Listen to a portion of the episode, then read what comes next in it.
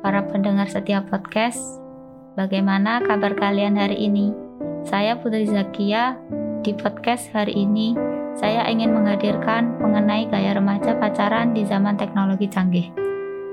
Assalamualaikum warahmatullahi wabarakatuh. Welcome to podcast pada hari ini. Kali ini saya Putri Zakia akan berbicara tentang pacaran anak remaja di zaman teknologi yang sudah canggih ini. Siapa sih yang gak senang membagikan momen bahagia bersama pacar kepada banyak orang? Tentunya hampir semua orang suka melakukan hal itu, terlebih dengan kecanggihan teknologi pada saat ini. Gak sedikit orang yang memoles fotonya terlebih dahulu sebelum diunggah ke media sosial. Bahkan, sebagian orang sengaja memposting foto dengan gaya pacaran yang cenderung berlebihan agar Instagramnya terlihat keren dan kekinian. Pernah nggak sih kalian berpikir karena gaya pacaran masa kini jadi semakin terlihat bebas, bahkan terkesan vulgar? Ada beberapa alasan menurut Putri mengapa gaya pacaran generasi milenial ini jadi terlihat semakin berani. Simak yuk pembahasannya kali ini. Kalian sering melihat remaja zaman sekarang gak segan-segan bermesraan dengan pacarnya, kemudian diposting di Instagram.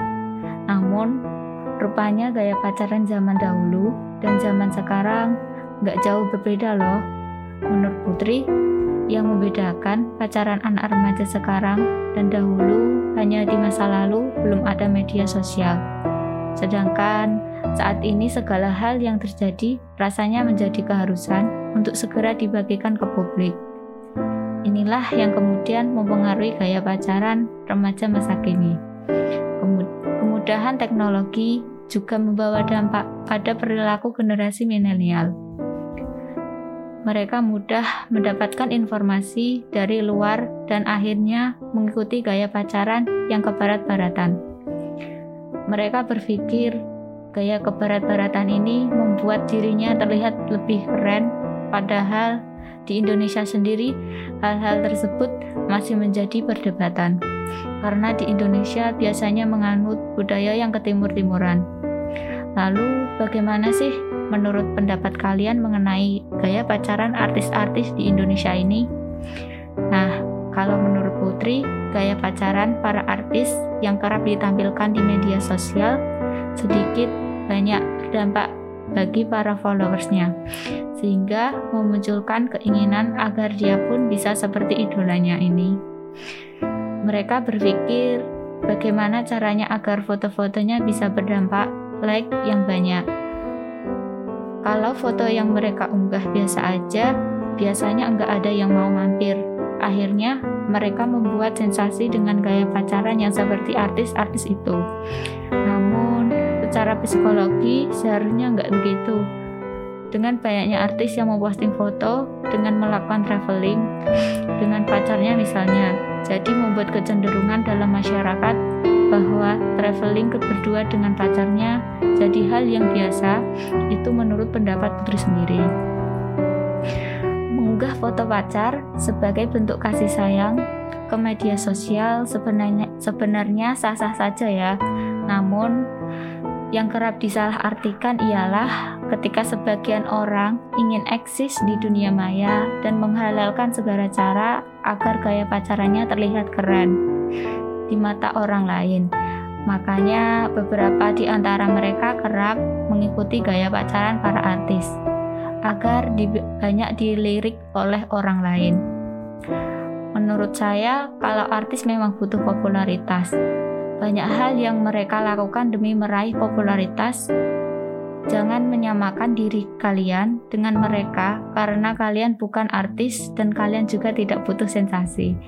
Yang perlu diketahui, nggak mungkin foto yang tidak bagus diposting di medsos, pasti yang kelihatan yang bagus saja, padahal realitanya bukan seperti itu.